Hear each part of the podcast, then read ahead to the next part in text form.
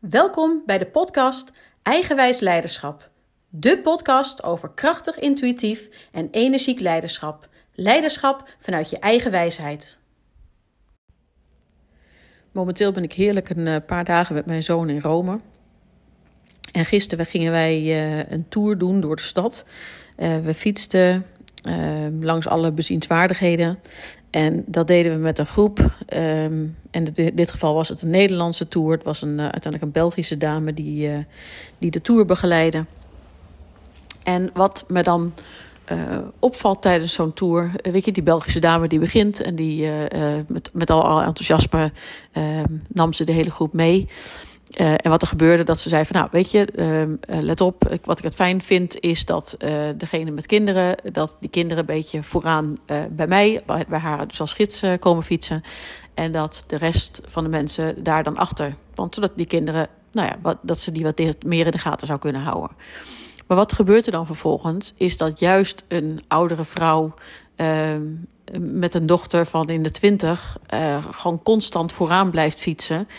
Um, en dat je dan denkt van, goh, maar wat maakt nou, het, het triggert me nou, want dan denk ik, goh, wat maakt nou dat zo'n vrouw dat wil, weet je? Dat, het gaat uiteindelijk, uh, zijn dit de, de dingen waarbij dus iemand vanuit tekort denkt. Van stel dat ik niet vooraan fiets, dan mis ik straks misschien iets. Of stel dat ik niet vooraan fiets, dan kan ik haar niet bijhouden. Um, het, zijn, het is echt denken in tekorten.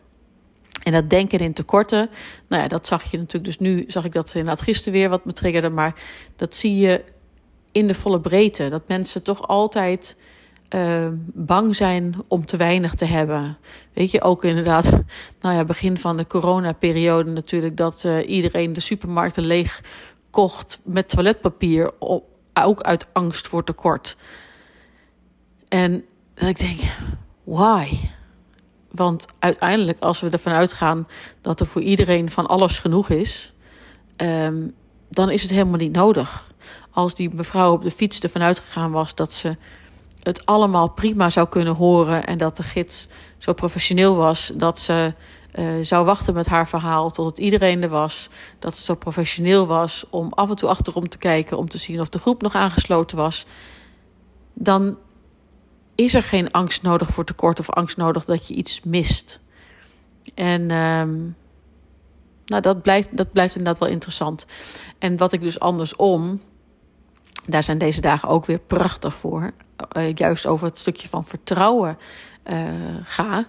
Dat uh, ik ben dus samen met mijn zoon en dat dus een kind uh, nou ja, goed, in ieder geval mijn kind, weet je, die gaat met mij naar de metro in en die vertrouwt volledig op zijn moeder. Uh, en dat ik was, zei van, goh, maar eh, weet je nu waar je heen gaat? Of ben je, uh, nou, heb, je heb je het idee? Of, of ben je wel eens angstig? Of in zo'n metro? Nee, dan is hij echt nul angstig. Hij, heeft, hij zit gewoon vol in zijn vertrouwen. En dat vind ik gewoon echt prachtig om te zien.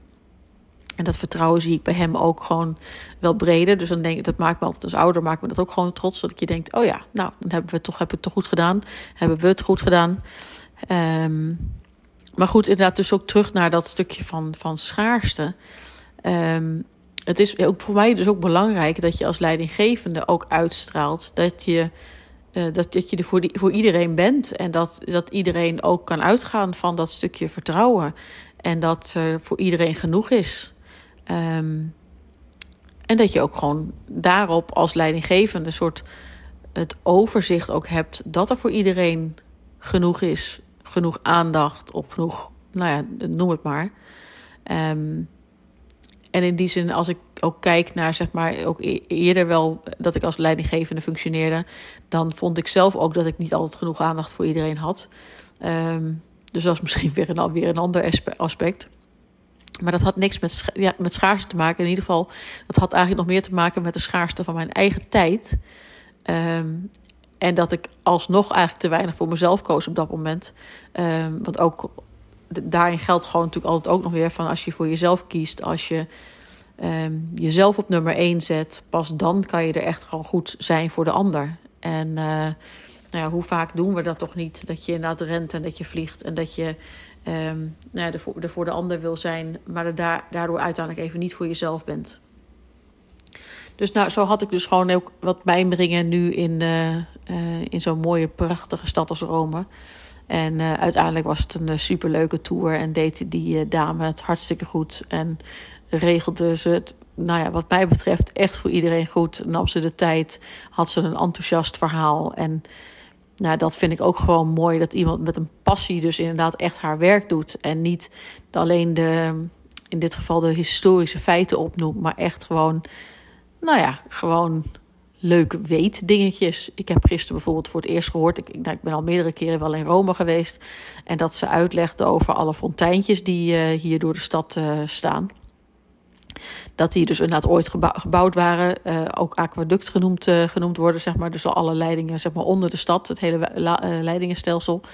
Um, en dat die fonteintjes dus inderdaad ook echt drinkwater produceren. En dat de, de, de Romeinen, de Romanen, die herkennen dus ook altijd toeristen aan hoe ze uit een kraantje drinken. Want die zeggen van, god, er zijn twee manieren hoe toeristen uit een kraantje drinken. Dat is of ze gaan met hun, mond eronder hangen, of... Um, uh, ze houden beide handen eronder of ze vullen hun flesje zeg maar, uh, onder, het, uh, onder het fonteintje. En die moeten dan hard lachen, want dan zeggen ze, nou, alleen honden die hangen met hun mond er in principe onder. Maar blijkbaar doen toeristen dat inderdaad ook. Maar wat is er dus blijkbaar met zo'n fonteintje? Dat als jij je vinger aan de onderkant van het fonteintje houdt, dan blijkt er dus een gaatje te zijn nog in, in het kraantje die dan spontaan de andere kant op gaat sproeien. Dus als je het krijgt van de onderkant dus dicht houdt, nou dan kan je dus uh, uh, gewoon drinken vanuit uh, een normaal, ehm, normale houding in ieder geval. Dus nou, dat vond ik ook weer een, weer een mooi inzicht. En ook weer een mooi, overigens ook een mooi inzicht dat het dit ook dus gaat over overvloed. Want er is van overvloed, dus water voor iedereen zeg maar in Rome. En uh, er is nooit een tekort aan water. Nou, hoe gaaf is dat? Nou, uh, anyhow, uh, ik ga weer even genieten van, uh, van het mooie Rome. En ik wens jullie een hele fijne dag. Doei doei. Vind je het leuk om me verder te volgen? Anders gezegd, wil je niets van me missen? Abonneer je dan op mijn podcast. Ik ben sowieso erg benieuwd wat je van mijn podcast vindt. En ik zou het enorm waarderen wanneer je een review achterlaat. Tot snel!